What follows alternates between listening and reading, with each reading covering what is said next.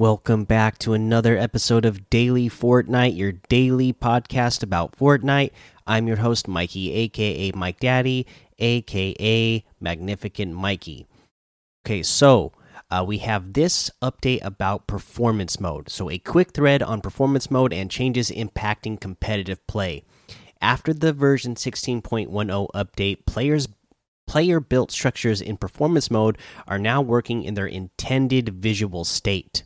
The previous state, aka bubble wrap, was never intended and considered a bug. Okay, so if any of you players were playing on performance mode, uh, you you know what they're talking about. Everybody was calling it the bubble wrap. That's the way the graphics looked when you would place a build, especially when it was not completed building. It kind of when it was a little bit clear, it looked like bubble wrap. That was not intended.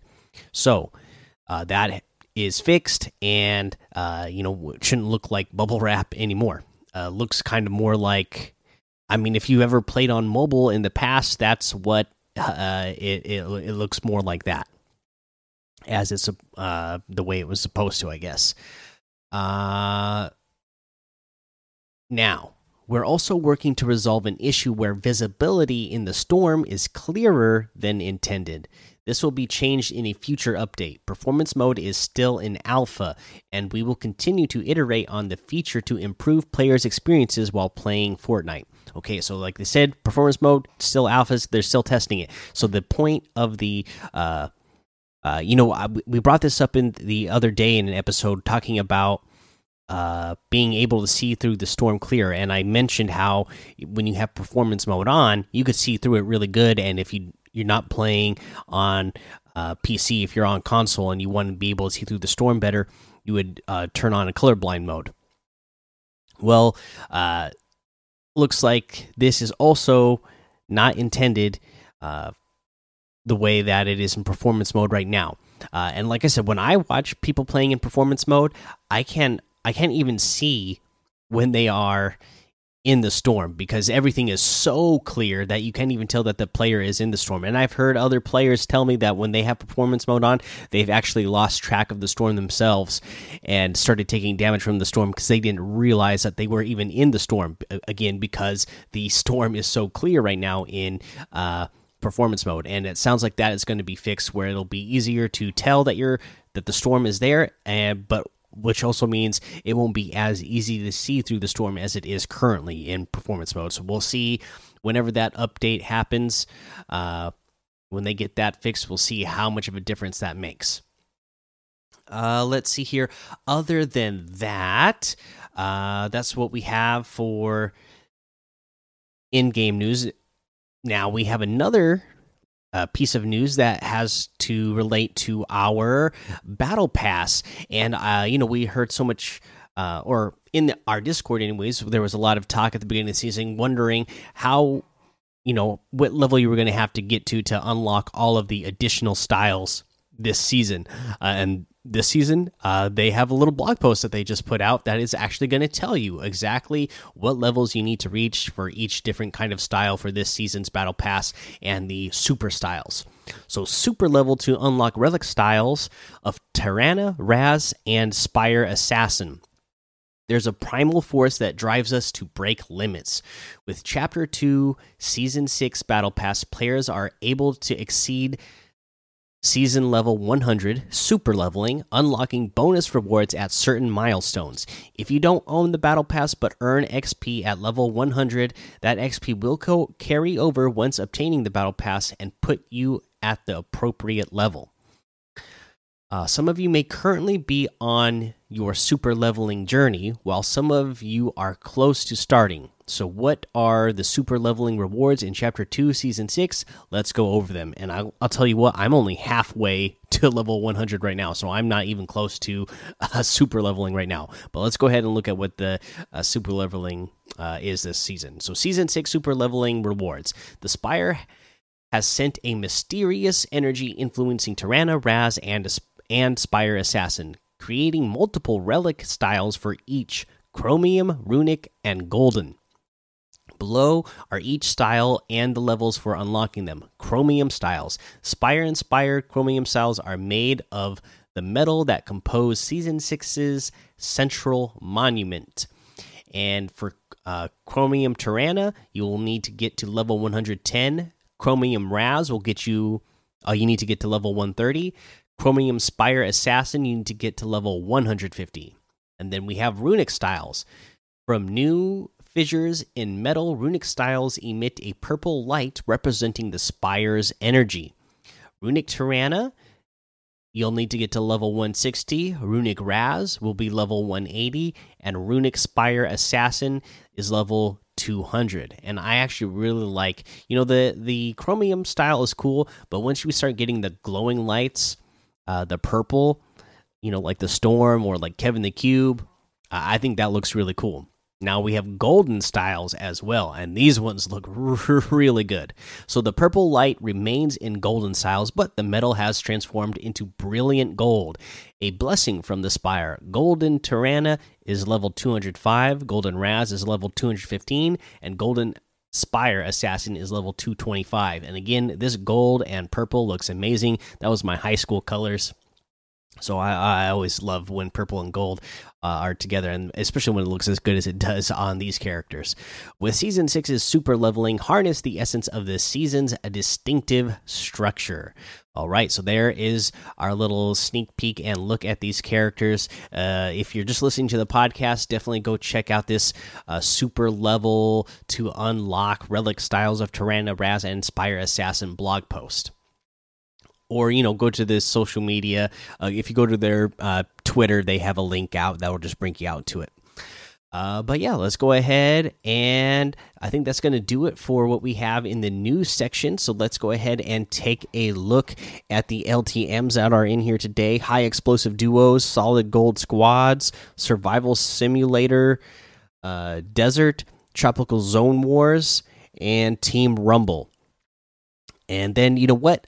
For a challenge, uh, we actually because a lot of the challenges were damage based, we've already gone over through the entire list of challenges for this week. So, uh, you know, I gave you all the tips already, uh, and hopefully we'll.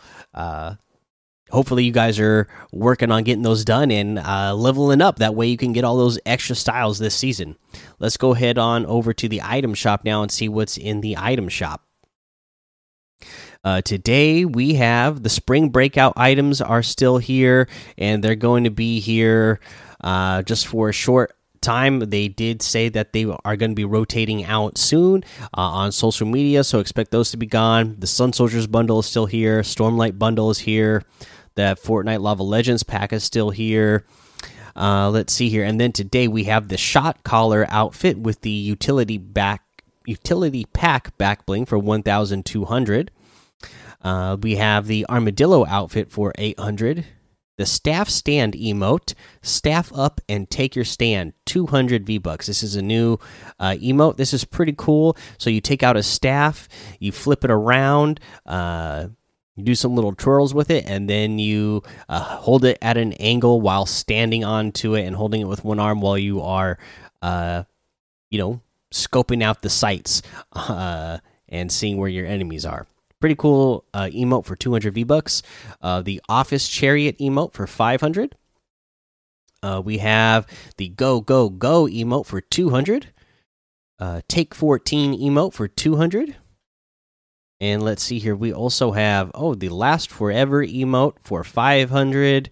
Uh, we have the Rolly out emote for 500 the Kuno outfit with the Dual Kama back bling for 1,500, the Kenji outfit with the Katana and Kunai back bling for 1,500, the Falcon glider for 1,500, the Talons harvesting tool for 800, the Quick Strike harvesting tool for 500, the Sclaxis outfit with the Spinal Blade back bling for 1,500, the Bone Fangs harvesting tool for 800, the Neon Venom wrap for 300 and then we also have the Hush bundle.